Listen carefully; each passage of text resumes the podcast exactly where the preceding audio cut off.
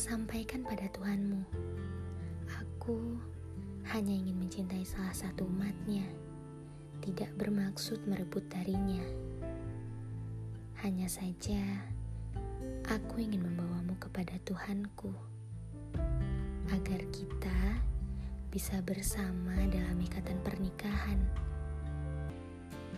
Tak bermaksud memaksamu, namun jika ingin, jemputlah aku dan katakan bahwa kau siap berbagi Tuhan denganku. Siap menjawab Assalamualaikum dengan Waalaikumsalam, bukan Shalom.